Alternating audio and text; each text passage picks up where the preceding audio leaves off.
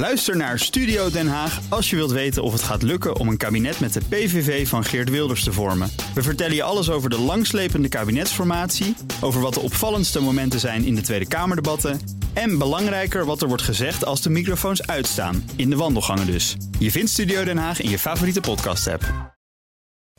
De column van Jaap Jansen. Nederland? Nederland doet altijd mee. Dat zei Europese Commissievoorzitter Jean-Claude Juncker eens over het toch vaak wat eurosceptische Den Haag. Maar zo makkelijk leek het niet voor Juncker toen premier Mark Rutte op 2 maart van dit jaar in Berlijn zijn grote Europa-toespraak hield. Rutte pleitte voor kleine, pragmatische stapjes. Schriet voor schriet. En de Europese Commissie moest het niet te hoog in de bol krijgen. Die is er voor de lidstaten niet andersom, zei Rutte. Terwijl in het verdrag van Lissabon toch iets heel anders staat. Commissie is de hoeder van het Europese belang. Toen Rutte in Berlijn die toespraak hield, was minister Wopke Hoekstra van Financiën drukdoende andere landen mee te krijgen in verzet tegen een grotere en voor Nederland duurdere EU-begroting. De commissie redeneert: de Britten stappen uit de Unie, dat kost ons heel veel inkomsten en tegelijk willen we meer doen.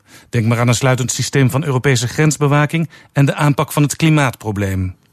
In die redenering kon het niet anders dan dat dit Nederland heel veel extra geld zou gaan kosten. In zijn kruistocht verzamelde Hoekstra, aangemoedigd door Rutte, zeven landen: Finland, Ierland, Estland, Letland, Litouwen en, opmerkelijk, want die hebben niet eens de euro, Denemarken en Zweden. In de wandelgangen van de macht hadden ze het smalend over Wopke en de zeven dwergen. De begroting moet niet groeien, maar juist kleiner worden, stipuleerde Rutte in Berlijn. Maar wie goed oplet, ziet dat Rutte begonnen is de draai te maken.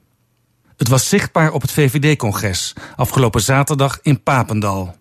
We moeten komen tot verstandige uitkomsten, zei Rutte tegen de leden van zijn partij. Ik citeer: Waar we al relatief veel betalen, moeten we door de brexit straks niet vreselijk veel meer gaan betalen.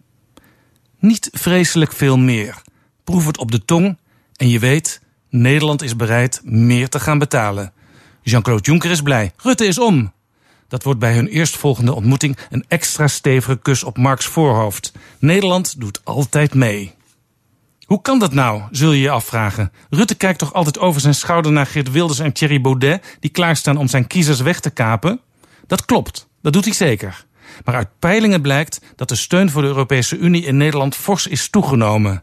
Rutte kan zich het risico dus veroorloven.